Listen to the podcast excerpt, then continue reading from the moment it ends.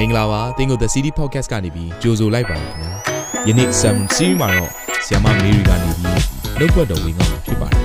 မိမိရဲ့အသက်တာကိုကောင်းကြီးဖြစ်စေမယ့်ဘုရားသခင်ရဲ့နှုတ်ကပတ်တော်နဲ့နီလန်းတွေကိုအတူတူကခံယူကြရအောင်ခင်ဗျာ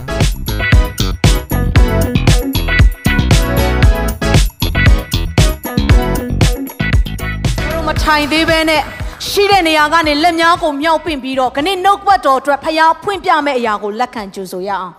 hallelujah thank you လို့ကိုရောကိုချီးဆုတင်တယ် ခဏနှုတ်ပတ်တော်အားဖြင့်ခဏသားသမီးတို့ကိုကိုရောစကားပြောတော်မူပါကိုရောပြောစေခြင်းတဲ့အရာကိုရောကြားစေခြင်းတဲ့အရာကိုရောပြုပြင်စေခြင်းတဲ့အရာကိုအတွင်းနှလုံးသားထဲမှာတစ်ခုချင်းစီကိုရောပြုပြင်တော်မူပါဝိညာဉ်တော်ဖျားနှုတ်ပတ်တော်ကိုမောက်လံဖြတ်စည်းမဲ့အရာများအားလုံးကိုယေရှုနာမ၌ညင်ပယ်ပါတယ်ယခုဝိညာဉ်တော်ဖျားကြီးမားစွာလှုပ်ရှားလေတယောက်ချင်းစီတိုင်းနှလုံးသားတကားများကိုဖွင့်လျက်ထိုနှလုံးသားမြေကိုကောင်းချီးပေးပါတယ်ယေရှုနာမ၌ဆုတောင်းဆက်ကပ်အနံပါ၏ အာမင်မထိုင်ခင်မှာကိုယ်ပင်နာမှာရှိတဲ့သူကိုလက်ဝှေ့ရမ်းပြပြီးတော့ခဏနှုတ်ပတ်တော်အဖြစ်သင်ကောင်းကြီးခံစားရမယ်ဆိုပြီးပြောလိုက်ရအောင်ဟာလေလုယာသင်ဝန်ခံတဲ့အတိုင်းသင်ရဲ့အသက်တာမှာအမှန်တကယ်ဖြစ်ပြီးတော့ယနေ့ပင်ဘုရားသခင်သင်ကိုစကားပြောပြီးဖြစ်တယ်အာမင်နှုတ်ပတ်တော်အတွက်ဘယ်နှယောက်ဆေးလို့ရှားနေလဲ တချို့ကလက်ကဒီလိုမျိုးတချို့ကကြက်တောင်ပန်လက်ကလေးတွေဖြစ်တယ်နှုတ်ပတ်တော်အတွက်ဘယ်နှယောက်ဆေးလို့ရှားလဲဆေးလို့ရှားတဲ့သူကလက်တစ်ဖက်တည်းမဟုတ်ဘူးနောက်လက်တစ်ဖက်ပါဝေ့ရမ်းပြပါဦးထိုဖခင်ကိုလက်ခုပ်တီးပြီးဂုဏ်ပြုမယ်ဟာလေလုယာဒီနေ့ဖခင်ရဲ့နှုတ်ပတ်တော်ကိုယူဆောင်လာတယ်ဒီနေ့နှုတ်ပတ်တော်ရဲ့ခေါင်းစဉ်ကဆိုင်းတော်လဲမျော်လင့်မီပြောကြည့်ပါဦးဆိုင်းတော်လဲမျော်လင့်မီ နှုတ်ပတ်တော်ရဲ့အခြေပြုကျမ်းလေးကိုခဏလောက်ဖတ်ပြချင်ပါတယ်130ခုမြောက်သောစာလံအငယ်9ထာဝရဘုရားကိုငါဆောင်ရက်နေ၏ငါဝိညာဉ်သည်ဆောင်ရက်နေ၏နှုတ်ပတ်တော်ကိုငါမျော်လင့်၏နောက်ထပ်အခြေပြုကျမ်းပိုက်လေးကိုအနေငယ်ဖတ်ပြချင်ပါတယ်ဟဘကုတ်အနာဂတိကျမ်းအခန်းကြီး1ငယ်3ခခွေးပိုင်းလေးဖြစ်တယ်ဆိုင်းတော်လဲမျော်လင့်လို့နောက်မချပဲဧကံအမှန်ရောက်လိမ့်မည်မြမစကပုံမှာလူတော်တော်များများနှုတ်ကနေအမြဲပြောတတ်တဲ့စကားလေးတစ်ခုရှိတယ် တင်သတိထားမိခြင်းမှထားမိလိမ့်မယ်ဒါပေမဲ့တစုံတစ်ခုကိုကြုံတွေ့ရတဲ့အခါမှာနှုတ်ကနေထွက်ပြီးတော့ပြောတတ်တယ်အဲ့ဒါကဘာလဲဆိုတော့စောင့်ရမယ့်အလုပ်ကိုအမုန်းဆုံးပဲပြောဘူးကြလားအော်ပြောဘူးတဲ့သူရှိရင်လက်မြောက်ပြပါဦးအော်အမှန်တိုင်းဝန်ခံတဲ့သူဖရားတာ၍ကောင်းချီးပေးပါစေတစုံတစ်ခုကိုစောင့်ရပြီးဆိုရင်အဲ့ဒါကိုစောင့်ရတာကိုအလောက်ဖြစ်သတ်မှတ်လိုက်တော့တယ်စိတ်မရှိတော့ဘူးကြာလာပြီ အဲ့စောင့်ရတဲ့အလုပ်ကိုမုံချောင်းကိုဘမတွေးရလဲဆိုတော့မျက်နာအမူအရာမှာပေါ်လာတယ်မပြုံးရွှင်နိုင်တော့ဘူးလက်သီးတွေစုပ်လာပြီဒီထဲမှာအမျိုးသားများတင်ရန်ချစ်တဲ့ချစ်သူတင့်ကိုအဖြေပေးဖို့ရန်အတွက်တင်စောင့်ရတဲ့အခါမှာနှလုံးသားထဲမှာကကြစ်ကကြစ်ဆိုပြီးတော့စိတ်လှုပ်ရှားနေတယ်မလားဟုတ်တယ်ဟုတ်တယ်တဲ့အာမင်ပြာတာဘေးကောင်းကြည့်ပေးပါစေတော်တော်စောင့်လိုက်ရတယ်ထင်တယ်နော် ဆိုတော့ကျမတို့နှလုံးသားထဲမှာစောင့်ရပြီဆိုရင်ဘယ်တော့အဖြေပေးမှလဲဘယ်တော့လာမှလဲဒီလောက်တောင်ကြာနေပြီလား24နိုင်ဦးလဲ24နှစ်လို့ထင်ထင်သွားတတ်တယ်စောင့်ရတဲ့အလုပ်ကိုလူတွေကမုန်းတယ်ဒါပေမဲ့ဝိညာဉ်အသက်တာမှာဖခင်ကျမတို့ကိုဆွဲခေါ်တဲ့အခါမှာဖခင်ဘက်ကစောင့်ရခြင်းရှိတယ်လို့ကျမတို့ဘက်ကစောင့်ရတဲ့အရာလည်းရှိတယ် ဖယားဘက်ကဘယ်အချိန်မှာကျမတို့ကိုစောင့်ရလဲဆိုတော့ကျမတို့ရဲ့ဝိညာဉ်သက်တာမှာသူ့စီကိုနောင်တနဲ့ပြန်လာဖို့ရန်ဆွဲခေါ်ခြင်းတဲ့အခါမှာဖယားကကျမတို့ကိုစောင့်ရတယ်။နှုတ်ဘတ်တော်တစ်ချက်မှာကျမတို့အတူတကွချီရအောင်။ယောမအခန်းကြီး2ငယ်လေးမှာဘုရားသခင်ဂျေဇုတော်သည်တင့်ကိုနောင်တလန်းသို့သွေးဆောင်သည်ကိုမတိမမတ်ဖဲကျွယ်ဝစွာဂျေဇုပြုတော်မူခြင်းတီးခံတော်မူခြင်းစိတ်ရှည်တော်မူခြင်းတို့ကိုမထီမဲ့မြင်ဖြူသလော။ ဖခင်ကအရန်စိတ်ရှည်တဲ့ဖခင်ဖြစ်တယ်။နောင်တလန်းကိုဆွဲခေါ်ဖို့ရန်အတွက်ကျမတို့တယောက်ချင်းစီတိုင်းကိုစိတ်ရှည်စွာနဲ့သူစောင့်နေတယ်။အဲ့ဒီစိတ်ရှည်ခြင်းထဲမှာတီးခံခြင်းလည်းပါတယ်။အဲ့ဒီစိတ်ရှည်ခြင်းထဲမှာကျွယ်ဝစွာဂျေဇုပြုခြင်းလည်းပါတယ်။နှုတ်ကပတ်တော်ထဲမှာပြန်ကြည့်တဲ့အခါမှာနိနဝေမြို့ကိုဖျားဖျက်ဆီးခြင်းတဲ့အခါမှာဖျက်ဆီးဖို့ရန်အကြောင်းဖြစ်လာတဲ့အခါမှာနိနဝေမြို့သားတွေကအပြစ်ကိုကျူးလွန်တဲ့အခါမှာဖျားအနေနဲ့လက်တစ်ချက်ဝေရန်လိုက်တာနဲ့ဖျက်ဆီးလို့ရတယ်။ तू မဖျက်ဆီးရင်တော့မှကောင်းဝိတ္တမန်တစ်ပါးကိုဆေလို့လိုက်ရင်တော့မှကောင်းဝိတ္တမန်တစ်ပါးရဲ့တက်နံဆွမ်းကတသိန်း8500ကိုတပြိုင်နက်တည်းလက်တဝိတ်မှာတတ်နိုင်တယ်။ဒါပေမဲ့ဖျားကနောင်တလန်းကိုသွေးဆောင်ခြင်းတဲ့အခါမှာယောနာအားဖြင့်ဆေလွတ်တယ်။ဘုရားကကျမတို့ကိုစောင့်ဆိုင်တဲ့အခါမှာသူရမ်းစိတ်ရှိတယ်နော်။ကျမတို့တို့တစုံတစ်ခုဖျားစီကနေလမ်းမသွားတဲ့အခါမှာဖျားကအဲ့ဒီရက်ကိုတိတယ်မြင်တယ်ဒါပေမဲ့ငါသားပြန်လာပါငါသမီးပြန်လာပါ ငါစောင့်နေတယ်ဖယားကိုရန်နိုင်ကစောင့်တာလူလူချင်းစောင့်တာတော့စိတ်မရှိဘူးဖယားကစိတ်ရှည်စွာနဲ့စောင့်တဲ့ဖယားဖြစ်တယ်ဟာလေလုယာနောက်ဖယားကဘယ်အချိန်မှာကျမတို့ကိုစောင့်လဲဆိုတော့သူ့ရဲ့အကြံစီကိုနားမလဲတဲ့အခါမှာ ဖခင်ရဲ့အကြံစီကိုနားမလဲတဲ့ခါမှာဖခင်ကစိတ်ရှည်စွာကျမတို့ကိုစောင့်တတ်တယ်။ငါရဲ့အကြံစီကတင့်ရဲ့အကြံစီနဲ့မတူဘူး။ငါရဲ့အချင်းကတင့်ရဲ့အချင်းနဲ့မတူဘူး။ကောင်းကင်အမြင်ရှိသည်ထက်ငါရဲ့အကြံစီကမြင့်တယ်။ကောင်းကင်ဘလောက်မြင့်လဲတင်ဘလောက်အထိမော့အချီလို့ရမလဲ။မျက်စိတဆုံးပဲ။မြေကြီးဘလောက်နှက်လဲတင်ဘလောက်အထိကြည့်နိုင်မလဲ။အရန်နဲ့နေတယ်နော်။ ဒါပေမဲ့အဲ့ဒီအချိန်တွေမှာပင်လေဖခင်ကသူ့ရဲ့အကြံစီကိုကျမတို့ဒီအုံနောက်တစ်သေးလေးနဲ့နားမလည်နိုင်ပေမဲ့ဖခင်ကစိတ်ရှည်စွာနဲ့အဲ့ဒီအကြံစီတွေကိုရောက်လာဖို့ရန်အတွက်တဆင့်ချင်းတဆင့်ချင်းတဆင့်ချင်းဖခင်ကဆွဲခေါ်တယ်။ဘာနဲ့သွားတူလဲဆိုတော့တင်ရန်ချစ်ရတဲ့တင်ရဲ့သမီးလေးကိုတင်လက်ဆွဲထားတယ်။အဲ့ဒီသမီးလေးကိုကစားကွင်းကိုတင်ခေါ်သွားတော့မယ်။ဒါပေမဲ့တင်ချီမယ်ဆိုရင်လည်းမြန်မြန်တော့ရောက်မယ်။ အမြဲတမ်းခြိတဲ့အတွက်ကလေးကလမ်းမလျှောက်နိုင်တော့ဘူးဒါပေမဲ့ကလေးငယ်ကိုလည်းတစ်ဖက်ကတင်ပေးချင်တဲ့အခါမှာသူ့ကိုလမ်းလျှောက်ခိုင်းတယ်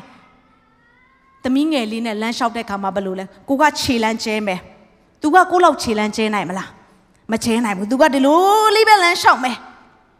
လမ်းလျှောက်ရင်လျှောက်ရင်လည်းမသူချော်လဲတာရှိမယ်လမ်းလျှောက်ရင်လျှောက်ရင်လည်းမဂဲလုံးတွေးလို့ကောက်ချင်တာရှိမယ်ပန်းတွေးလို့ခူးချင်တာရှိအောင်မယ်သူ့အာယုံတွေကများတယ် ဒါပေမဲ့အဖေလို့သူကကလေးကိုလမ်းလျှောက်စေခြင်းတဲ့အခါတမ်းမာစေခြင်းတဲ့အခါဘာလို့ ਆ လဲဆိုတော့အဲ့ဒီသူသမီးကောက်နေတဲ့ဂဲလုံးကနေစောင့်နေရတယ်ချော်လဲနေတဲ့အချိန်ကနေပြန်ချော့နေရသေးတယ်ပန်းခုနေတဲ့ຢာကိုလာပါဆိုပြန်ဆွဲခေါ်နေရသေးတယ်သူ့ရဲ့အကြံစီကိုနားမလဲတဲ့ခါမှာတစားတစဖြည်းဖြည်းချင်းစီဆွဲခေါ်သွားရတယ်မဟုတ်ဘူးလားဒီနေ့ကျမတို့ကိုးကွယ်တဲ့ဘုရားသခင်ကလည်းအဲ့လိုပဲ နောင်တလမ်းမှာသွေးဆောင်ယုံမဲမဟုတ်ဘဲနဲ့အဲ့နောင်တလမ်းကနေတင်ဖျားစီရောက်လာတဲ့အခါမှာအဲ့ဒီအကြံစီတော်တွေကိုထပ်ပြီးတော့ဆွဲခေါ်ခြင်းတဲ့အခါမှာစိတ်ရှည်စွာနဲ့ကလေးငယ်ကိုစောင့်တယ်လို့ပဲတလန်းလန်းလိုက်အဖေကရက်လိုက်နောက်တလန်းလန်းလိုက်အဖေကရက်ပြီးတော့စောင့်နေတယ်လို့ဖျားသခင်ကကျမတို့ကိုအကြံစီတော်တွေမှာတဆင့်ချင်းစီဆွဲခေါ်နေတယ်ဆိုတော့ဖျားဘက်ကစောင့်တယ်လို့ကျမတို့ဘက်ကစောင့်ရတဲ့အရာလည်းရှိတယ် နှုတ်ပတ်တော်တစ်ချက်ကိုကျွန်တော်တို့အတူတကွကြည့်ရအောင်28ခုမြောက်သောစာလိုင်းငယ်73ကနေ14တိဖြစ်တယ်အကယ်စင်စစ်အသက်ရှင်သောသူတို့၏နေရာတွင်ထာဝရဘုရား၏ကျေးဇူးတော်ကိုငါတွေ့မြင်မိဟုယုံမှတ်ဆွဲလန်းခြင်းရှိ၏ထာဝရဘုရားကိုမျှော်လင့်သောအာယူ၍ရဲရင်သောစိတ်နှလုံးရှိကြလော့ထာဝရဘုရားကိုမျှော်လင့်လျက်နေလော့မျော်လင့်လျက်နေလို့ဆိုတဲ့စကားလုံးမှာဒီထဲမှာ wait ဆိုရဲစောင့်ပါဆိုတဲ့စကားလုံးဖြစ်တယ် အဲ့ဒီထဲမှာကြည့်တဲ့အခါမှာအဲ့ဒီစောင့်မာဆိုတဲ့အရာကဘာကိုလဲဆိုတော့အသက်ရှင်သောသူတို့၏နေရာတွင်ထာဝရဘုရား၏ကျေးဇူးတော်ကိုငါတွေ့မြင်မိဟုယုံမတ်ဆွဲလန်းခြင်းပြောကြည့်ပါဦးယုံမတ်ဆွဲလန်းယုံယုံနဲ့ပြီးမလား မဲ့ရတယ်ကျမတို့ကခဏခဏမေ့တတ်တဲ့သူတွေဖြစ်တယ်မဲ့ယုံနဲ့ပြီးလားအแทမှာမဖြစ်ရမလဲဆွဲလန်းရတယ်ယုံမက်ဆွဲလန်းရမယ်ဘာကိုယုံမက်ဆွဲလန်းမလဲဆိုတော့ဘုရားရဲ့ခြေဆုတော်ကိုငါတွေ့မြင်ရမယ်ဆိုတဲ့အရာကိုအဲ့ဒီစောင့်မျှော်နေတဲ့အချိန်မှာယုံမက်ဆွဲလန်းနေတယ်ဒါဆိုကျွန်တော်တို့အခြေပြုကျမ်းပထမအဦးဆုံးဖတ်သွားတဲ့အထက်မှာ130ခုမြောက်သောစာလဲအငယ်9မှာလဲအဲ့ဒီ wait ဆိုတဲ့စောင့်ဆိုင်ခြင်းအရာလေးပါတယ် အဲ့ဒီပထမအဆုံးတစ်ကြောင်းလေးကိုခဏလောက်ဖတ်ပြခြင်းနဲ့ထာဝရဘုရားကိုငါစောင့်လျက်နေ၏အဲ့ဒီစောင့်လျက်နေ၏ wait ဆိုတဲ့စကားလုံးကို Hebrews မှာဘယ်လိုခေါ်လဲဆိုတော့ quaver လို့ခေါ်တယ်ဘယ်လိုခေါ်လဲပြောကြည့်ပါဦး quaver လို့ခေါ်တယ် Q U V A H quaver လို့ခေါ်တယ်အဲ့ဒီ quaver ဆိုတဲ့စကားလုံးထဲမှာ Hebrews wait ဆိုတဲ့စကားလုံးထဲမှာသူ့ရဲ့အထဲမှာအတိတ်ပဲ၄မျိုးရှိတယ်ပထမတစ်ခုကဘာလဲဆိုတော့ wait ဆိုတဲ့စကားလုံးထဲမှာ စောင့်နေဆိုတဲ့စကားလုံးထဲမှာဘာပါလဲဆိုတော့ binding together ချိတ်ဆက်ထားတယ် binding တယောက်တနေရာစီမဟုတ်ဘူးနော် binding together ချိတ်ဆက်ထားတယ်လုံးဝခွာလို့မရဘူးဒါဆိုရင်စောင့်နေဆိုတဲ့အရာကတင်တစ်ဖက်သက်တည်းမဟုတ်ပါဘူး မိသားစုများတင်ဆောင်မျောနေခြင်းဒီတင်တယောက်တည်းအထီးကျန်နေတာမဟုတ်ဘူးဖယားနဲ့တင်နဲ့ချိတ်ဆက်ထားတာဖြစ်တယ်အဲ့ဒီနှလုံးသားချင်းချိတ်ဆက်ထားတာဖြစ်တယ်ဘယ်သူမှလာခွဲလို့မရတော့ဘူးစောင့်မျောခြင်း guava ထဲမှာအဲ့ဒီစကလုံးပါတယ်နောက် guava ထဲမှာဘာပါလဲဆိုတော့ eagerly waiting နဲ့စိတ်အားထက်သန်စွာစောင့်နေတယ်တခါတည်းကျွန်တော်တို့ဖယားကိုစောင့်တာဒါစောင့်တာနော်ငြိမ်ပြီးတော့လေကံရည်ပြင်းငြိမ်နေသလိုပဲ ကဲလုံးပြစ်တာတော့မလုတ်ချင်တဲ့သူတွေလိုဖြစ်နေတယ်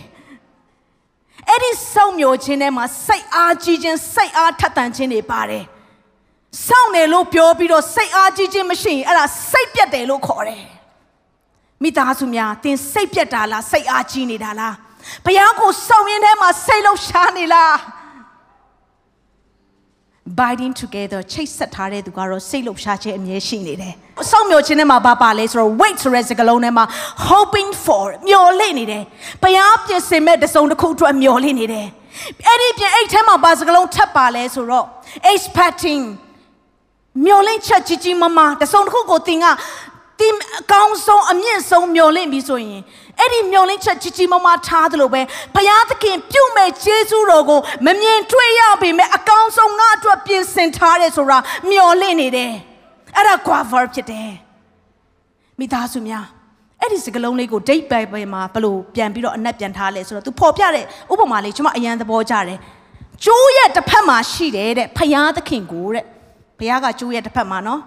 ကြည်ထားတယ်ကြံတစ်ဖက်မှာရှိတဲ့တင့်ရဲ့နှလုံးသားက အဲ့ဒီကျိုးကိုဆွဲတယ်တဲ့ဒါဆိုဖယားနဲ့တင်တဲ့ကချိတ်ဆက်ထားလားခြီထားတယ်ဒါပေမဲ့ကြံတစ်ဖက်မှာရှိတဲ့တင်ကအဲ့ဒီကျိုးကိုမရမကဆွဲတယ်အဲ့ဒါက weight ဆိုတဲ့အဓိပ္ပာယ်ဖြစ်တယ် guava ဆိုတဲ့အဓိပ္ပာယ်ဖြစ်တယ်ဒါဆိုရင်အဲ့လိုဆွဲတဲ့အခါမှာဘုရားနဲ့ချိတ်ဆက်ထားတဲ့ biting together ဖြစ်တယ်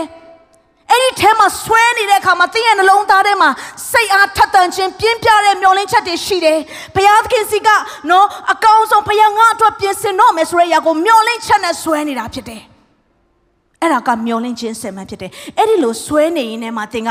ဟာတော်ပါတော့ကွာ။ငါဆွဲနေလက်ညောင်းလာပါပြီ။ငါတခြားဟာလေးငါသွားလို့အောင်မထသွားကြည့်။ရမလား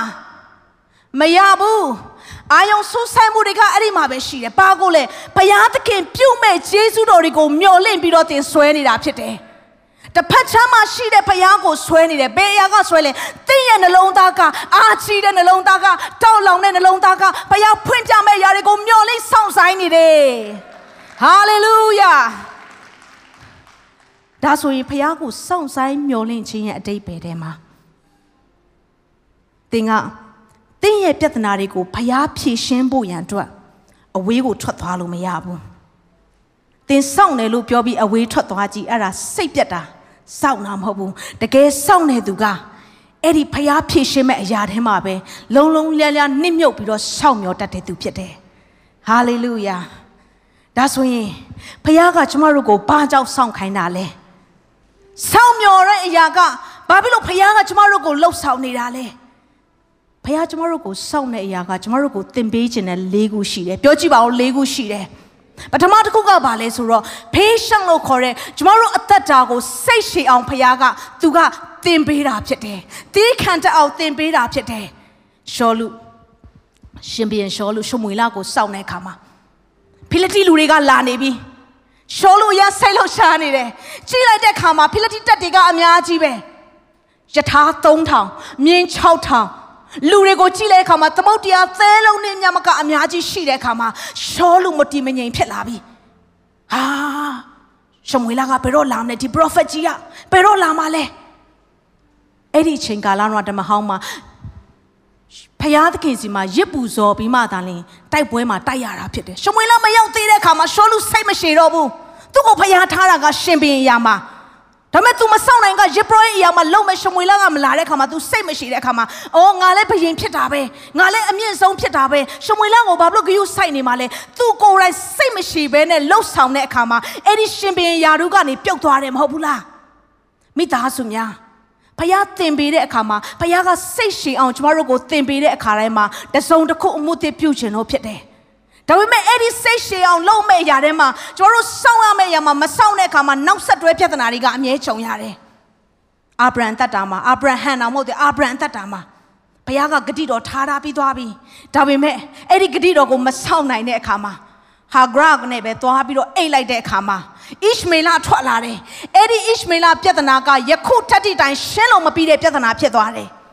အနည်းမိသားစုများဖခင်ကျမတို့ကိုစိတ်ရှည်အောင်သင်ပေးတဲ့အခါမှာကျမတို့ကိုစောင့်မျှော်ခိုင်းပါတယ်။နောက်ဖခင်ကကျမတို့ကိုဘယ်အချိန်မှာစောင့်မျှော်ခိုင်းလဲဆိုတော့ဖခင်ခင်ကကျမတို့ကို depend on God ဖခင်ကိုလုံလုံလျလျကိုးစားတတ်အောင်ကျမတို့ကိုစောင့်မျှော်ခိုင်းတဲ့အချိန်လည်းရှိတယ်ကိုးစားလို့ပြောတဲ့ခါမှာတချို့ကလေဘာကိုကိုးစားလဲဆိုတော့နှာခေါင်းနဲ့အသက်ရှူတတ်တဲ့သူကိုကိုးစားတယ်ရှူကြည့်ပါဦးနှာခေါင်းနဲ့အသက်ရှူတတ်တဲ့သူတွေမှာသင်ပါလားသင်ဘေးနာလူကောပါလား ဒါဆိုဘေးနာလူရောကိုးစားလို့ရမလားမရဘူးလူကိုကိုးစားပြီးလူတော်ကိုအမိပြုသဖြင့်စိတ်နှလုံးထဲကထာဝရဘုရားထံတော်ကထွက်သွားသောသူသည်ကျင့်ရသောသူဖြစ်သည်ထာဝရဘုရားကိုကိုးစားသောသူထာဝရဘုရားကိုမိမိကိုးစားကြအကြောင်းဖြစ်စေသောသူသည်မင်္ဂလာရှိတယ်လူကိုကိုးစားပြီဆိုရင်သင်ကိုးစားလိုက်တဲ့သူကလည်းအမင်္ဂလာအဲကိုးစားခံရတဲ့သူကလည်းဖယားနေရာမှာထားလိုက်ရတဲ့အတွက်ကြောင့် तू ကလည်းအမင်္ဂလာဖြစ်တယ်တစ်ချိန်တောင်မကဘူးเนาะနှစ်ချိန်စလုံးအမင်္ဂလာတွေဖြစ်သွားတယ် တချို့တွေကလည်းငါကတော့လူကိုမကိုးစားပါဘူးငါရဲ့ခွန်အားကိုပဲကိုးစားတယ်ကြားဘူးလားလို့ပြောတဲ့သူတွေနှုတ်ကပတ်တော်တစ်ချက်မှာပါရေးထားလဲဆိုတော့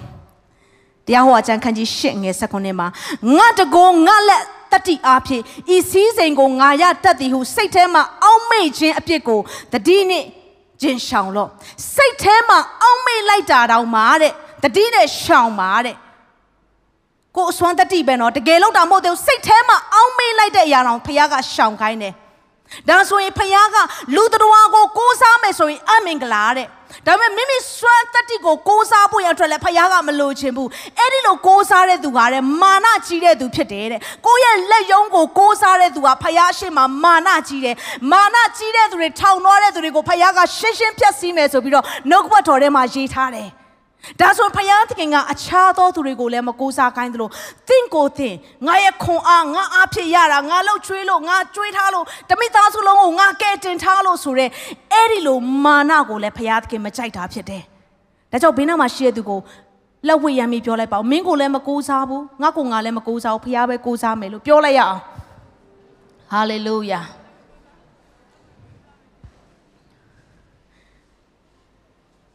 မမိတယ်နော်အားလုံး ဆိုတတိယတစ်ချက်အနေနဲ့ကဘုရားသခင်ကကျမတို့ကိုစောင့်မျှော်ခြင်းကိုသင်ပေးတဲ့အခါမှာ be strong ပြောကြည့်ပါအောင် be strong တမ်းမအောင်သင်ပေးတာဖြစ်တယ်ကိုခန္ဓာပိုင်းမှာအားနေတဲ့အချိန်ရှိတယ်လို့ကျမ်းမာတဲ့အချိန်ရှိတယ်ဝိညာဉ်မှာလည်းအားနေတဲ့အချိန်ရှိတယ်လို့ကျမ်းမာတဲ့အချိန်ရှိတယ်ယုံကြည်သူတက်တာမှာပြောင်းလဲခါစားတော့ဘုရားသခင်အမြဲတမ်းအဖြေပေးတယ်။အိုးကျမလေးယုံကြည်သူဖြစ်လာတာဘုရားသခင်အဖြေပေးတာယေရှုတော်ပဲ။ ဖះကောင်းမြတ်လိုက်တာဒါပေမဲ့ခရိယန်တက်တာမှာတစားတစားသွားလာတဲ့ခါမှာဖះငါ့ကိုလည်းအရင်တော့လို့အဖြေမပေးတော့ဘူးကျွန်မပြောပြရစီကလေးငယ်တွေကိုပဲတောင်းတဲ့ခါရမှာတင်ကူရဲ့အချိန်မှာတမိပစီမှာငိုယိုပြီးတော့လက်ဖြန့်ပြီးတော့အမြဲတမ်းသွားတောင်းကြည့်တင်ကိုနှစ်ပန်ချင်းမှာပဲဖြစ်တယ်ဟုတ်တယ်မလားဘာကြောင့်လဲတင်ကကြီးရည်တဲ့အရွယ်ကိုရောက်ပြီလေ နေကျမတို့ဘဝတတမှာငယ်ရွယ်တဲ့ဝိညာဉ်ပိုင်းချိန်မှာဖခင်အမြဲတမ်းအဖြစ်ပေးမိမယ်ကြီးပြင်းလာတဲ့တတကိုဆွဲခေါ်ခြင်းတဲ့အချိန်မှာတော့တင့်ကိုအဖြစ်မပေးဘူးဘာကြောင့်လဲဆိုတော့တင့်ကိုဝိညာဉ်ပိုင်းဆိုင်မှာခွန်အားနဲ့တတ်မအောင်ဖခင်လေ့ကျင့်ပေးနေတာဖြစ်တယ်ဟာလေလုယာ နောက်တစ်ချက်ကမမိမယ်ပထမတစ်ချက်ကပါလေဖခင်ကကျမတို့ကိုစောင့်မျှော်ခြင်းကစိတ်ရှည်အောင်သင်ပေးနေတာဖြစ်တယ်ဒုတိယတစ်ချက်ကပါလေ depend on God ဖခင်ကိုလုံးလုံးလင်းလင်းကိုးစားတတ်အောင်သင်ပေးတာဖြစ်တယ်တတိယတစ်ချက်ကကျမတို့ကဝိညာဉ်ပိုင်းဆိုင်မှာ be strong တာမအောင်ဖခင်သင်ပေးတာဖြစ်တယ်စရုပ်တာတစ်ချက်ကပါလေဆိုတော့ focus ဖြစ်တယ်ဖခင်ကိုအာယုံစူးစိုက်အောင်ဖခင်သခင်သင်ပေးတာဖြစ်တယ်ကျွန်တော်ပြောပြစီပင်တေကုတ်တီပွဲနေ့မှာ ဝိညာဉ်တော်ဖခင်ကဆင်းကြွတဲ့အခါမှာ120သောယုံကြည်သူတွေအပေါ်မှာတန်ရှင်သောဝိညာဉ်တော်ဆင်းကြွလာတယ်တကယ်နှုတ်ဘတ်တော်ကိုပြန်ကြည့်တဲ့အခါမှာတစ်ကော15 4ကနေခုနှစ်မှာပြန်ကြည့်မယ်ဆိုရင်120ပဲရှိတာမဟုတ်လူ900လောက်ကရှိနေတာစောင့်နေတာကလူ900လောက်ကစောင့်နေတာဒါပေမဲ့တရက်ပြီးတရက်ကုံဆုံးလာတဲ့အခါမှာအဲ့ဒီလူတွေကစိတ်ညစ်လာကြတယ်သွားသွားသွားပြီးဆွတ်တောင်းဆွတ်တောင်းပြန်လာ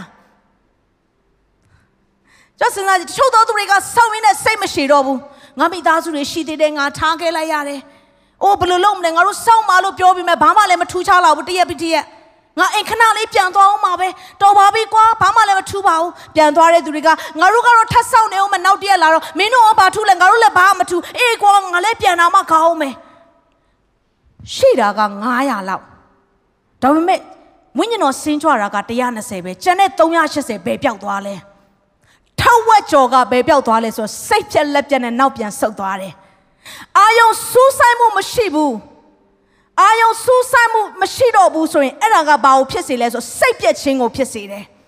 စိတ်ပြက်လာပြီဆိုရင်တစုံတစ်ခုကိုသင်စိတ်ပြက်လာပြီဆိုရင်အဲ့ဒီအရာပေါ်မှာအာယုံစူးဆိုင်မှုမရှိတော့ဘူး120ပဲဆင်းချွပြီးတော့380ကပျောက်သွားတဲ့အကြောင်းရင်းကစောင့်တဲ့အရာကိုစိတ်ပြက်လာလို့ဖြစ်တယ်။ခဏမိသားစုများ စောင့်ရတာကိုအလုတ်တစ်ခုလုံးမတတ်မှတ်ပါနဲ့စောင့်ရတဲ့အရာကဖခင်တင့်ကိုသင်ပေးတဲ့အရာတွေများစွာရှိနေတယ်ဟာလေလုယာဒီနေ့ကျမတို့အတွက်ကတော့ wait ဆိုတဲ့စောင့်ဆိုင်ခြင်းတွေက wasting လို့ထင်တယ်အချိန်ဖြုံးတယ်လို့ထင်တယ်ဒါပေမဲ့ဖခင်အထဲမှာ wait ဆိုတာ wasting မဟုတ်ဘူး wait ဆိုတဲ့အရာက working ဖခင်သခင်အလုပ်လုပ်နေတယ် ဘယ်ရာကိုအလုပ်လုပ်လဲဆိုတော့ witness တသက်ရဖို့ရန်အတွက်ဖခင်လုပ်နေတာဖြစ်တယ်အဲ့ဒီတသက်ကိုရလာပြီဆိုရင် what တကယ်အံ့ဖွယ်ကောင်းတဲ့တန်ဖိုးရှိတဲ့အရာတွေတင့်အတွက်ဖခင်သခင်ပြင်ဆင်ပေးခြင်းလို့ဖြစ်တယ်ဟာလေလုယာသက်ရှင်တဲ့ဖခင်ကိုလက်ခုပ်တီးပြီးဂုဏ်ပြုမယ်ကျွန်တော်နောက်ကနေဝန်ခံပြီးပြောပါဦး wait ဆိုတာ wasting မဟုတ်ဘူး wait ဆိုတာ working ဖြစ်တယ် hallelujah ဒါဆိုရင်ဖះကိုစောင့်မျှော်တဲ့တဲမှာဖះဘလို့ကောင်းချီးပေးမှာလဲကျွန်မကိုဖះကစောင့်မျှော်ခြင်းထဲမှာသင်ပေးနေတယ်ကျွန်တော်ကိုသင်ပေးနေတယ်ကိုရောဘာအတွက်ပြင်ဆင်ထားလို့ကျွန်တော်ကိုသင်ပေးနေတာလဲနှုတ်ကတော်တစ်ချက်ကိုကျွန်တော်တို့ဒီကွာကြည့်ရအောင်ယာကုပ်ခန်းကြီး9ငယ်9ကနေ9ကိုတွေ့မယ်ဆိုရင်ဒီကွာဖတ်ရအောင်ထို့ကြောင့်ညီကိုတို့ဖျားသခင်ကြွလာတော်မူသည့်တိုင်အောင်တီးခံလျက်စောင့်နေကြလော့ အကယ်၍လေလုတ်တော်သူသည်အရင်မိုးနောက်မိုးကိုရသည့်တိုင်အောင် အဖိုးထိုက်သောမြေအသီးကိုတီးခံလျက်စောင့်နေ၍မျောလင်းတတ်၏သင်တို့သည်လည်းတီးခံလျက်စောင့်နေကြလော့ကိုစိတ်နှလုံးကိုမြဲမြံစေကြလော့သခင်ဖျားကြွလာတော်မူသောအချိန်ရောက်လို့နေပြီညီကိုတို့စစ်ကြောစီရင်ခြင်းနဲ့ကင်းလို့မိအကြောင်းအချင်းချင်း ငင်းခုန်ဖြစ်တင်ခြင်းကိုမပြုကြနဲ့တရားစီရင်ပိုင်တော်သူသည်တကားနာမှာရှိတော်မူ၏ဒီထဲမှာတွေ့တဲ့အခါမှာလူတွေကဒီကျမ်းပိုင်လေးကိုကြည့်တဲ့အခါမှာပထမဦးဆုံးစာသားလေးကဖယားသခင်ကြွလာတော်မူတည်တိုက်အောင်တဲ့တချို့ကစဉ်းစားတယ်ဖယားသခင်ကြွလာတဲ့အထိစောင့်ရမှာလားကိုရောပေတော့အဖြစ်ပေးမှာလဲအဲ့ဒီကြွလာတဲ့အထိမှာတော့ကျွန်တော်ဘာလုပ်တော့မှာလဲကိုရောရဲ့ ဖះကြွလာတဲ့အချိန် second coming ကိုပြောတာမဟုတ်ဒုတိယအချိန်ချီဆောင်ကြွလာခြင်းကိုပြောတာမဟုတ်အဲ့ဒီဘက်မှာဆက်ကြည့်မယ်ဆိုရင်ဘာတွေ့ရလဲဆိုတော့အရင်မိုးနောက်မိုးထွားတဲ့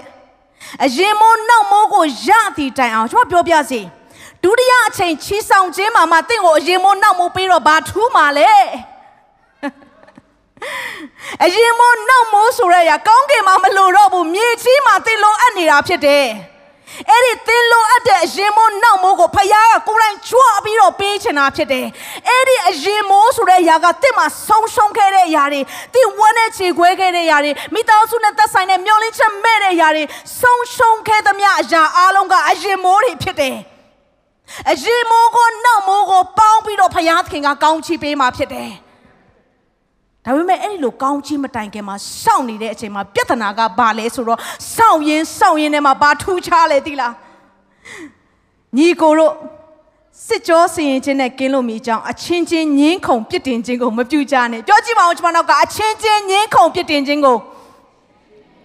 မပြုကြနဲ့စောင့်ရင်စောင့်ရင်နဲ့လူကကိုခန္ဓာသားထိုင်နေတာပါဇက်ကမငြိမ်ဘူးလှုပ်စီးလှုပ်စီးဟိုလူကြည့်လဲဒီလူကအရန်ဝတာပဲ ဒီလူကရံမဲတာပဲဟိုနောက်ကထိုင်တဲ့သူကလေငါ့ကိုတစ်ချက်ကလေးမှမပြောမှလားစောင့်ရင်စောင့်ရင်နဲ့ကနာမငြိမ်ဘူးလူရဲ့ပြဿနာကဟိုတယောက်နှစွဲကအကြီးကြီးပဲဟိုတယောက်စပင်ကဘလို့လဲလူရဲ့သဘောတဘာဝကလေငြိမ်ငြိမ်လေးနေပြီးဆိုရင်ပါဇက်ကလှုပ်ချင်တာပြီဒီထဲမှာရှိတဲ့သူတွေမပါပါဘူး online ကလူ တွေလည်းမပါဘူးဟာလေလုယာသူတို့ပြောမှထင်ပါဆိုလို့နော်ဆိုတော့စောင့်ရင်စောင့်ရင်လူကဘာဖြစ်လဲဆိုတော့ညင်းခုန်တယ်ပြစ်တင်တယ်စီရင်တယ်အဲ့ဒါကအခုကာလအချိန်နေနဲ့သွားတူတယ်ယုံကြည်သူချင်းချင်းပြောလို့အားမရတော့မယုံကြည်သူတွေပါပြောကောမယုံကြည်သူတွေပြောလို့ကုံသွားတဲ့ခါမှာအမှုတော်ဆောင်တွေပါပြောအမှုတော်ဆောင်တွေပြောလို့ကုံသွားတဲ့ခါမှာဘာမဟုတ်တဲ့ကိုယ်အိမ်မှာရှိတဲ့တတ်မဲ့ပစ္စည်းတွေပါရှောက်ပြီးတော့ပြဿနာရှာနေရော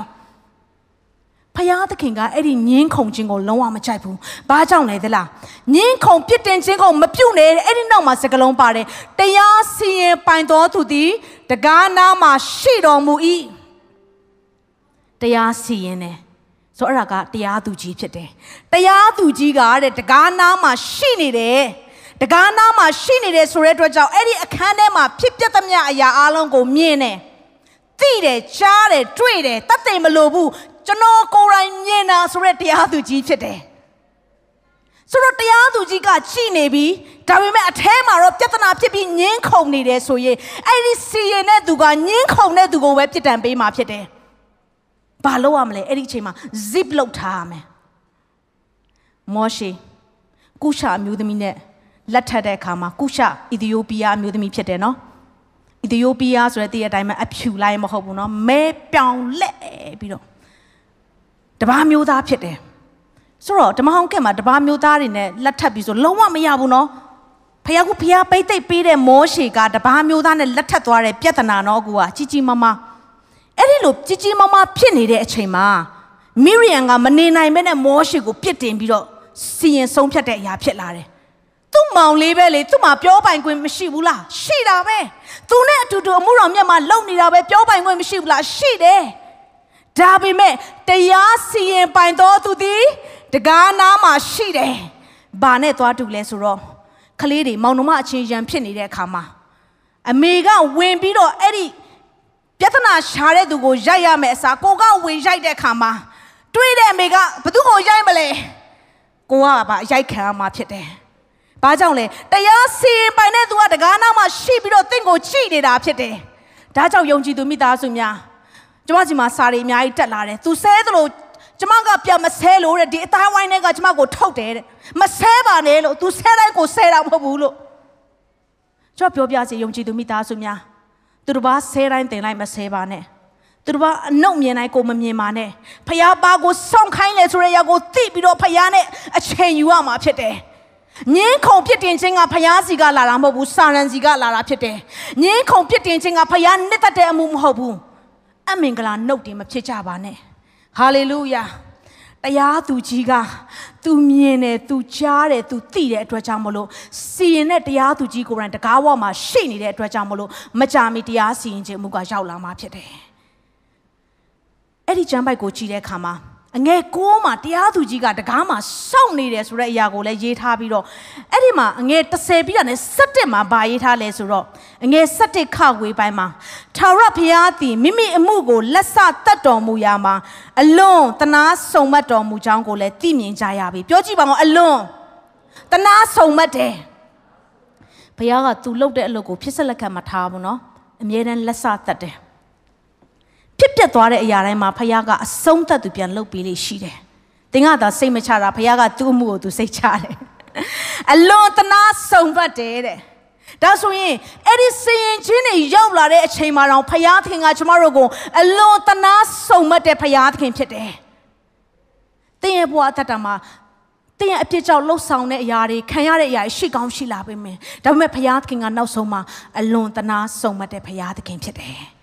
ဆိုနှုတ်ဘတ်တော်ထဲမှာကျမတို့ဖခင်သခင်ကိုစောင့်မျှော်နေရင်မှသူ့ရဲ့အသက်တာမှာဖခင်ကိုစောင့်ရင်စောင့်ရင်မှအသက်တာကလည်းစိုးတဲ့စိုးတဲ့စိုးလာတဲ့အခြေအနေကိုကြုံတွေ့ရတဲ့လူငယ်လေးတယောက်ရှိတယ်ဒီနေ့ဒီအရာလေးအပြည့်ကျမတို့ဆက်ပြီးတော့နှုတ်ဘတ်တော်ကိုဆင်ခြင်ရအောင်တရားငါငါးခုမြောက်သောစာလံတရားငါးခုမြောက်သောစာလံငယ်16ကနေပြီးတော့22တိဖြစ်တယ်တွေ့မယ်ဆိုသူတို့ကဖတ်ရအောင်တဖန်တုံထိုပြင်း၌မွတ်သိပ်ချင်းဘေးကိုခေါ်၍အစာဟရဒီဟုသော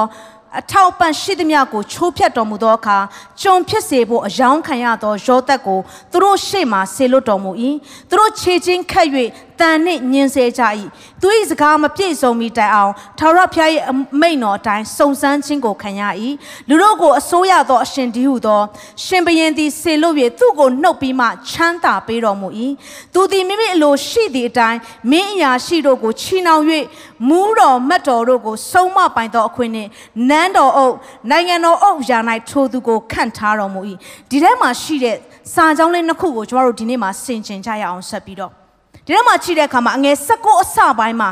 သူဤစကားမပြည့်စုံမီတိုင်အောင်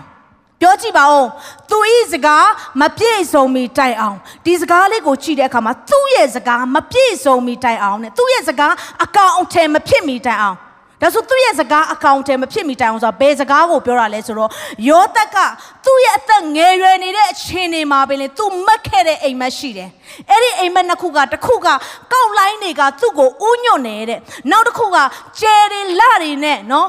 နေတွေလတွေကလည်းသူ့ကိုဥညွတ်နေတဲ့ဆိုတော့ကျယ်လနော်နေတွေကသူ့ကိုဥညွတ်နေဆိုတဲ့အရာနေလဆိုတဲ့အရာကမိဘဖြစ်တယ်မိဘတွေအစသူ့ကိုဥညွတ်ပြီးကိုးကွယ်တယ်ဆိုတဲ့မတ်တဲ့အိမ်မက်ကြောင့်မြေကိုတွေကအရန်စိစိတ်တိုပြီးတော့သူ့ကိုမုန်းပြီးတော့ခံပြင်းကြတယ်အိမ်မက်ကကောင်းလားကောင်းတယ်မကောင်းမဟုတ်ဘူးနော်အိမ်မက်ကကောင်းတာလူတိုင်းသူ့ကိုဦးညွန့်တယ်လေအရန်ကောင်းတယ်ဒါပေမဲ့ဒီနေ့မှာအိမ်မက်မှတ်ပြီးတော့နောက်တစ်ရက်မှာအဲ့ဒီအိမ်မက်ကအကောင့်ထဲမပေါ်လာသေးပါဘူးတင်းနေနေကတော့ဟာကိုရောကိုရောပေးတဲ့အိမ်မက်ကောင်းလိုက်တာညငါအိမ်မက်တာအရန်ကောင်းတာပဲအဲ့ဒီအိမ်မက်အတွက်နောက်တစ်ရက်မှာဝမ်းတာနေတာဖယားသခင်ကဂျင်းနဲ့ကြက်ထဲကိုလည်းပို့တတ်တယ်နော် အိမ်မက်မှတ်ပြီးတော့နော်အကောင်းဆုံးအိမ်မက်မှတ်ပြီးတော့အဆိုးဆုံးအချိန်တွေကြုံရတာရောသက်ပဲအိမ်မက်ယူပါယုံနဲ့ဖျားပေးပြီးတော့ဘယ်အချိန်မှပြည့်စုံလာမှလဲလို့သင်စဉ်းစားနေခဲ့ဘူးတယ်မဟုတ်ဘူးလား prophet ပြုချက်တဲ့ဆရာဆရာမတွေငါ့ကိုဆွတောင်းတဲ့ရဘယ်တော့ဖြစ်လာမှလဲလို့သင်တွေးခဲ့ဘူးတယ်မလား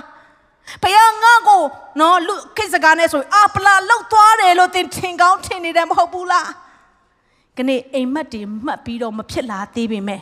အဲ့ဒီအိမ်မက်စဖြစ်စီတော်သူကအဆုံးထိတာဝန်ယူပေးတဲ့သူဖြစ်တယ်ဟာလေလုယာ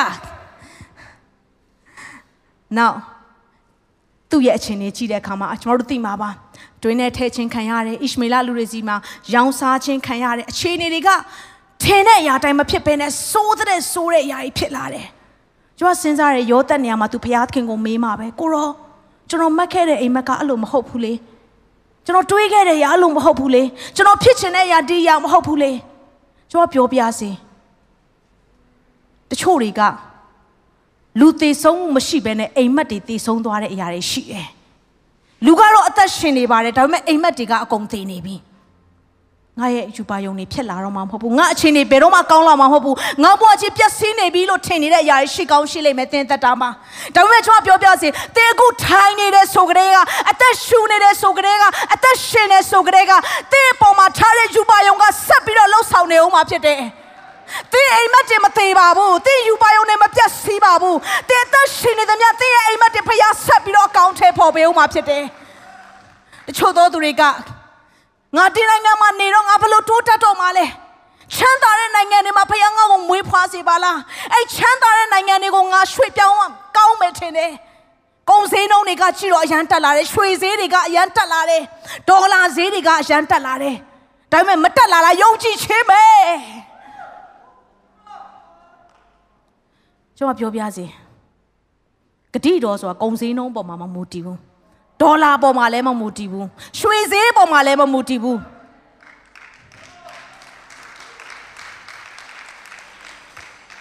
ကောင်းကင်နဲ့မြေကြီးမတည်တော့လဲငါစကားတည်လိမ့်မယ်ဆိုဂတိတော်ကဘယ်အချိန်နေဘယ်နေရာပဲရောက်နေပါစေဂတိထားတော်မူသောသူကတစ္ဆာဂတိနဲ့ပြည့်စုံတယ်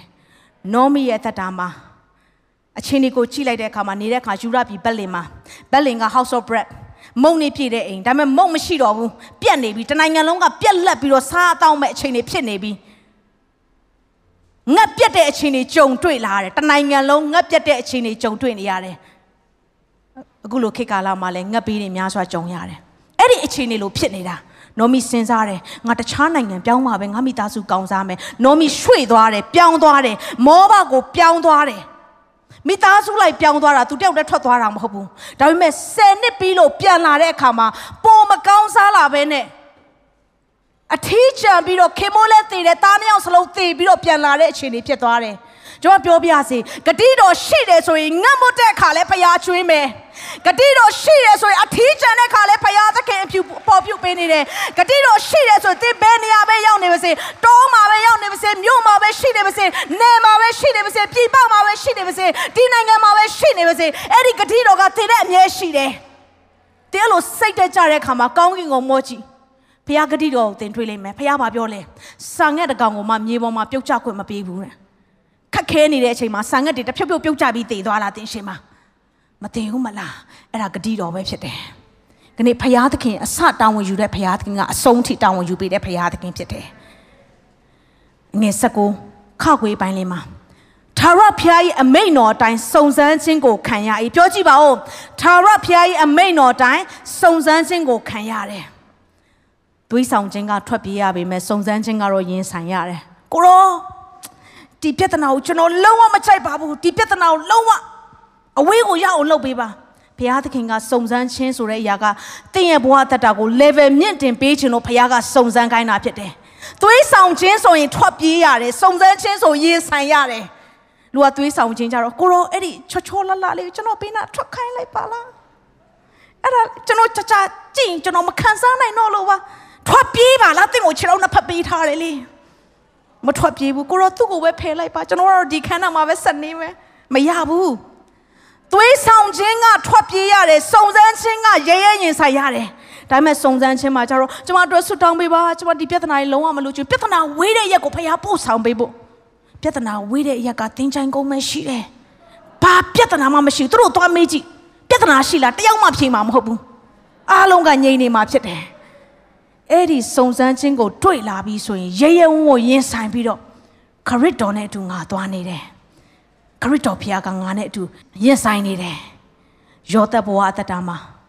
သွေးဆောင်ခြင်းမှာထွက်ပြေးတယ်စုံစမ်းခြင်းမှာရင်ဆိုင်တဲ့အခါမှာသူ့ရဲ့အခြေအနေထဲမှာအဲ့ဒီစုံစမ်းခြင်းကိုရင်ဆိုင်တဲ့အခါမှာဖခင်က level ထက်မြင့်သွားတယ်အခြေအနေဝိညာဉ်ပိုင်းဆိုင်မှာရင့်ကျက်မှုကိုဖြစ်စေတယ်တစ်ချက်လေးပဲကျွန်တော်ပြောပြရစီကပ္ပဦးကျမ်းခန်းကြီး38အငယ်1မှာယောသရဲ့အခြေအနေလေးကိုကြည့်ရအောင် ယာခုပ်မျိုးနွေအထုပ်ပတိများဟုမူကားယောသတ်သည်အသက်18နှစ်ရှိ၍ညီကိုတို့နှင့်အတူသိုးစိတ်များကိုထိန်းနေ၏အဘအိမယဘိလဟာနှင့်ဇိလပ၏သားတို့နှင့်အတူနေ၍သူတို့အပြစ်ကိုအဘအားကြားပြောတတ်၏ပြောကြည့်ပါဦးသူတို့အပြစ်ကိုအဘအားကြားပြောတတ်၏ဘလို့ယောသတ်မျိုးလဲဒီကျမ်းပိုက်ရဆိုဘလို့ယောသတ်မျိုးလဲအတိုင်ပြောထူတဲ့ယောသတ်သူများမကောင်းတာကိုမြင်တဲ့ယောသတ် ကိုကသူ့အပြစ်ကိုကြားပြောလားသူတို့အပြစ်ကို तू ကပဲကောင်းတယ်ဘယ်သူမှမကောင်းဘူးဆိုတဲ့ယောသတ်အချင်းနေဒါပေမဲ့ဖယားသူ့ကိုယဉ်ချက်ချင်းကိုပို့ဆောင်ပြီးတဲ့အခါမှာကပောက်ကျန်ခန်းကြီး45ငယ်9မှာလည်းရအောင်တို့ရာတွင်သင်တို့ဒီကျွန်တော်ကိုဤရက်သို့ရောင်းလိုက်မိသောကြောင့်စိတ်မညှိုးငယ်ကြနဲ့ကိုကိုအမျက်မထွက်ကြနဲ့အချောင်းမူကားဖယားသခင်ဒီလူတို့အသက်ကိုစောင့်မစေခြင်းကသင်တို့ရှေ့မှာကျွန်တော်ကိုဆေလွတ်တော်မူပြီး အခုသူတို့ဘာမကောင်းချောင်းပြောတဲ့ယောသက်ဖြစ်သေးလားသူတို့ကိုအပြစ်မြင်တဲ့ယောသက်ဖြစ်သေးလားဘလို့ယောသက်မျိုးဖြစ်သွားပြီလဲသူ့ရဲ့ညီကိုတွေကိုစိတ်မညှိုးငယ်ပါနဲ့မင်းတို့ဝမ်းမနေပါနဲ့ကွာမင်းတို့ဒေါသမထွက်ပါနဲ့ကွာဖယားသခင်ကမင်းတို့မြင်တာကငါ့ကိုဆိုးရောင်းလိုက်တယ်လို့မြင်ပေမဲ့ဘုရားသခင်ကငါ့ကိုဆက်လို့မြင်တာဆေလွတ်တာဖြစ်တယ် မင်းတို့မြင်တာကငါ့ကို destroy ဖြစ်ဖို့မြင်ပေမဲ့ဘုရားသခင်က divine လူတွေကိုကဲတင်ဖို့ရအတွက်ရွေးနှုတ်ခဲ့တာဖြစ်တယ် hallelujah သင်ဘဝတတမှာဆိုးလို့မြင်လားဆက်လို့မြင်လား destroy လို့မြင်လား divine လို့မြင်နေလားဒီနေ့မိသားစုများစောင့်ဆိုင်ခဲ့တဲ့အခါမှာသင်စောင့်နေတယ်ဆိုတဲ့အရာကိုသင်မသိလိုက်ပြီမဲ့ဘုရားကဝိညာဉ်တတရင်းချက်ဖို့ရအဲ့ဒီစောင့်ဆိုင်ခြင်းထဲမှာသင်ရဲ့အသက်တာကိုပါပြန်ပြုတ်ပြင်နေတာ ပစ္စည်းတစ်ခုကိုပြင်ပြီးဆိုရင်အချိန်လိုအပ်တယ်အဲ့ဒီအချိန်တစ်ခုကိုရယူပြီးမှသာလင်ဒီပစ္စည်းကငကိုပကတိအကောင်းပြန်ဖြစ်တယ်လို့ပဲသင်ရဲ့အသက်တာမှာဖျားပြုတ်ပြင်တဲ့အခါမှာအချိန်လိုအပ်ပါတယ်စိတ်ရှိရှိနဲ့လှပါဆိုကိုရောပြုတ်ပြင်မှာကျွန်တော်စောင့်မျှော်နေတယ်ကိုရောပြုတ်ပြင်မှာအဲ့ဒီစောင့်မျှော်တဲ့သူရဲ့အသက်တာမှာဖျားကြီးမားစွာလှုပ်လှုပ်တယ်ယောသဲအသက်တာမှာလဲ16နှစ်မှာရောင်းစားခံရတယ်အသက်30မှာဒုတိယရှင်ဘုရင်ဖြစ်လာတယ်သူစောင့်ခဲ့တာက 73နှစ်လုံးလုံးသူစောင့်ခဲ့တယ်အသက်39နှစ်မှာအီဂျစ်ပြည်ခေါင်းအီဂျစ်ပြည်မှာနော်သူ့ရဲ့ညီကိုတွေကခေါင်းပါမှုကြောင့်အီဂျစ်ကိုရောက်လာတယ်သူသက်39မှာအသက်41မှာတစ်ချိန်သူ့ရဲ့အဖေပါဝင်ကျန်တဲ့ဆွေမျိုးတွေပါရောက်လာတယ်ဒါဆိုရင်သူအသက်41မှာဣသရေလလူတွေကိုကယ်နှုတ်ဖို့ရန်အတွက်အသက်18နှစ်မှာတည်းကဖခင်ကသူ့ကိုဆေလွတ်ခဲ့တာဖြစ်တယ် နေမိသားစုများတင့်ဘဝကိုတင်နားမလည်နိုင်ပေမဲ့နားလည်တဲ့ဖရာသခင်ကတင့်ကိုတစားတစားဆွဲခေါ်လာတယ်ဆိုတဲ့အရာကိုတင်သိတယ်ဆိုရင်အဲ့ဒီယေရှုတော်ကိုတင်မြင်တွေ့ရမှာဖြစ်တယ်။ဟာလေလုယာ။ဖရာကကျမတို့ကိုအမြဲတမ်း comfort zone မှာမထားဘူးနော်။ကျမတို့ကယုံကြည်သူဖြစ်သွားပြီဆိုရင်အကောင်းဆုံးမှုရမှာအကောင်းဆုံးအိပ်ရမှာအိပ်ပြီးတော့အကောင်းဆုံးအဲအကိုနဲ့နေပြီးတော့ဘဝကိုဖြတ်တန်းချင်ကြတယ်။ဒါပေမဲ့ဖရာသခင်ကအမြဲတမ်း comfort zone မှာမထားဘူး။အာဗြဟံစောက်ရတယ်။ ယေရှုနှစ်ပေါင်း30စောင့်ရတယ်မောရှေနှစ်40စောင့်ရတယ်ကိုရောသမီးကနှစ်40တော့မစောင့်ချင်ဘူးရတယ်ဖះကိုပြောလို့ရတယ်ကိုရောဖះကကျမတို့ကို comfort zone မှာအမြဲမထားဘူးအမြဲတမ်းကျမတို့ကိုကိုယ်တိုင်သွားခိုင်းတဲ့အရာတွေကိုလည်းလက်တွေ့လုပ်ခိုင်းတယ်။ဘာနဲ့သွားတူလဲဆိုတော့လင်းယုံငတ်တွေနဲ့သွားတူတယ်။လင်းယုံအမေမကြီးကသူ့အတိုက်ဆောက်တဲ့အခါမှာသူ့ရဲ့အတိုက်ကိုအရင်ဆုံးဘာနဲ့ဆောက်လဲဆိုတော့အချွန်အတက်အဆူ တစ်ကိုင်းအချောက်တွေနော်တစ်ကိုင်းခြောက်သွားပြီဆိုရင်အဆူးလိုပဲခြုံသွားတယ်မလားအဲ့ဒီလိုအဆူးတွေနဲ့အကုန်လုံးကိုသူကယူယူယူလာပြီးတော့သူအတိုက်လောက်တာအတိုက်လောက်ပြီးမှအဲ့အချွန်အတက်အဆူးတွေအပေါ်မှာမှသူ့ရဲ့ငတ်မွေးတွေနုံညံ့တဲ့အမွေးမြင်အဲ့ဒါတွေအားလုံးကအပေါ်ကနေပြန်ပြီးတော့ဒုတိယ layer အဖြစ်ဒုတိယတစ်ဆင့်အနေနဲ့ဖြစ်ထပ်ပြီးတော့ထားတယ်ဆိုတော့သူက ဒီဥလေးကိုသူဥလိုက်ပြီးတဲ့အခါမှာငက်ကလေးတွေဖြစ်လာပြီးဆိုရင်တော့လင်းုံငက်ငယ်လေးတွေဖြစ်လာပြီးဆိုရင်ဒီဒီသူတို့နူးညံ့တဲ့တကယ်မွင့်ရလို့ပဲအဲ့ဒီငက်ကလေးတွေကချီနူးစရာကောင်းပြီးတော့တခါတည်းအကောင်းဆုံးမှနေရတယ်ဒါပေမဲ့အပြန်သင်မဲ့အချိန်မှာတော့သူကဘာလုပ်လဲဆိုတော့အဲ့ဒီနူးညံ့ပါပဲအကောင်းဆုံးဆိုပြီးဆိုတဲ့အရာတွေကိုသူကဖယ်ပြီးတော့လွတ်ပြလိုက်တယ်တင်ကျင်တဲ့အခါမှာဖခင်ကရှိသမျှကိုလည်းဖယ်တတ်တယ်နော် အဲ့လိုဖယ်တဲ့အခါမှာလင်းုံငက်ငယ်လေးကဒီဘက်မှာ तू နေတဲ့အခါလဲနေလို့မရတော့ဘူးအဆူဒီဘက်မှာရွှေ့ပြန်တော့လဲအဆူအရှိကိုပြန်နေတော့လဲအဆူဒီထဲကနေခုံထွက်မယ်ဆိုရင်လဲ तू အောက်ပြုတ်ကြမယ်ဒီထဲမှာနေရင်လဲဆက်ပြီးတော့ဆူးနေတယ်ငနေ့ကျမတို့ဘဝအသက်တာကိုရှေ့ကိုလည်းတိုးလို့မရနောက်ကိုလည်းဆုပ်လို့မရဒီဘက်နေလို့လည်းမရဟိုဘက်နေလို့လည်းမရဒီဘက်ကလည်းမိသားစုပြဿနာဟိုဘက်ကလည်းမိသားစုပြဿနာဖြစ်လာတဲ့အခြေအနေကြုံပြီးဆိုရင်ဖခင်တင့်ကိုပြန်တက်အောင်တင်တော့မယ်ဆိုတဲ့အရာကိုတတိယပါ ဘယ်ကောင်မှရွှေ့လို့မရတဲ့ငယ်နောက်ဆုံးမှသူ့အမေကတွန်းချလိုက်တဲ့အခါမှာတခါတည်းတောင်ဆောင်အမြင့်ကြီးကနေပြုတ်ကျလာတယ်လင်းုံငက်ငယ်လေးဘလို့ခံစားရမလဲငါအမေငါ့ကိုရမ်းရက်ဆက်တယ်ငါကိုတွန်းချတယ်ငါအသက်ရှင်လာတာငါကိုပျက်စီးဖို့လုပ်နေတယ်ငါဘွားတော့သွားပါပြီဘယ်အချိန်လာမလဲမလာသေးဘူးမလာသေးဘူးမလာသေးဘူး तू စောင့်နာမှာပို့ပြီးတော့ adventure ဆန်သေးရနော်ပြုတ်ကျပြီးတော့လာတာဘယ်တော့မှမရောက်လာသေးဘူးအမြင့်ကြီးပဲဆိုတော့ပြုတ်ချပြုတ်ချ နောက်ဆုံးတောင်ဆောင်နဲ့သူ့ကိုခန္ဓာသူ့ကောင်းရိုက်တော့မဲ့အချိန်မှာလင်းရုံအမေကချက်ချင်းပဲဆင်းလာပြီးတော့သူ့ရဲ့အားကြီးတဲ့အတောင်ပံနဲ့ဒီငတ်ငယ်လေးကိုပြန်ပြီးတော့မတင်ပြီးတော့အမြင့်ဆုံးကိုပြန်ပြီးတော့ပြန်တက်သွားတယ်ဟာလေလုယာ အဲ့ဒါကဘာလဲဆိုတော့အဲ့ဒီအတောင်ပံဒီဟူသောတနည်းအားဖြင့်အတောင်ပံဒီဟူသောမဆချင်းသည် great ဆိုရဲဂျေစုတော်ဖြစ်တယ်။သင်ပြုတ်ချပြီးတော့သင်သက်ဆုံးရှုံးတော့မဲ့အချိန်မှာဂျေစုတော်ကသင်ကိုပြန်ပြီးတော့မတင်ပြီးအမြင့်ဆုံးရက်မှာပြန်ထားပေးတယ်။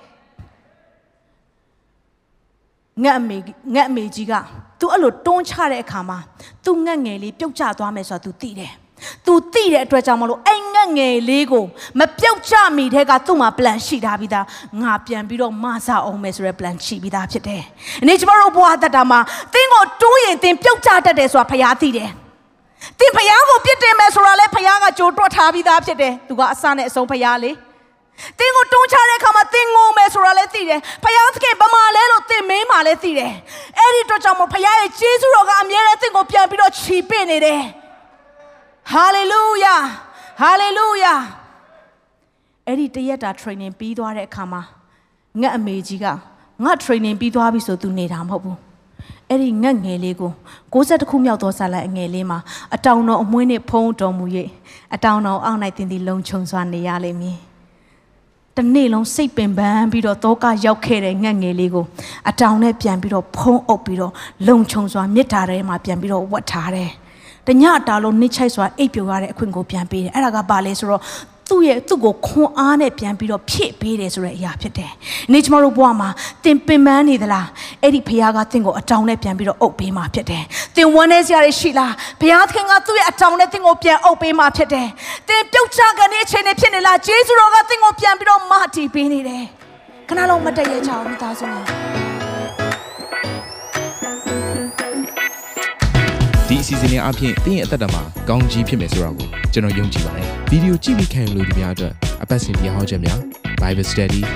ကြီးမွန်ကိုယ်ွယ်ခြင်းနဲ့အခြားသောအကြောင်းအရာတွေဟာတင်းအတွက်အဆင်ပြေရှိနေပါတယ် YouTube မှာ The City Space TV လို့ရိုက်ထည့်လိုက်တဲ့အခါကျွန်တော်တို့ကိုတွေ့ရှိမှာဖြစ်ပါတယ် Subscribe လုပ်ခြင်းအပြင်တင်းနဲ့ထက်ချက်မကွာအမြင်ရှိနေပါဦးဒါအပြင် Facebook မှာလည်း The City ရန်ကုန်လို့ရိုက်ထည့်လိုက်တဲ့အခါတည်င်းအချက်အလက်နဲ့ poster တွေကိုအချိန်နဲ့တပြေးညီတွေ့ရှိအောင်မှာဖြစ်ပါတယ်ခင်ဗျာ The City Podcast ကိုနားထောင်ကြတိုင်းဖျားသခင်ရဲ့ထူကြသောဖွင့်ပြချက်နဲ့ကောင်းကြီးမင်္ဂလာများခံစားမိကြောင်းကျွန်တော်ဆုတောင်းရင်ဒီ season လေးကိုဒီမှာပဲညံ့နာပါရစေခင်ဗျာ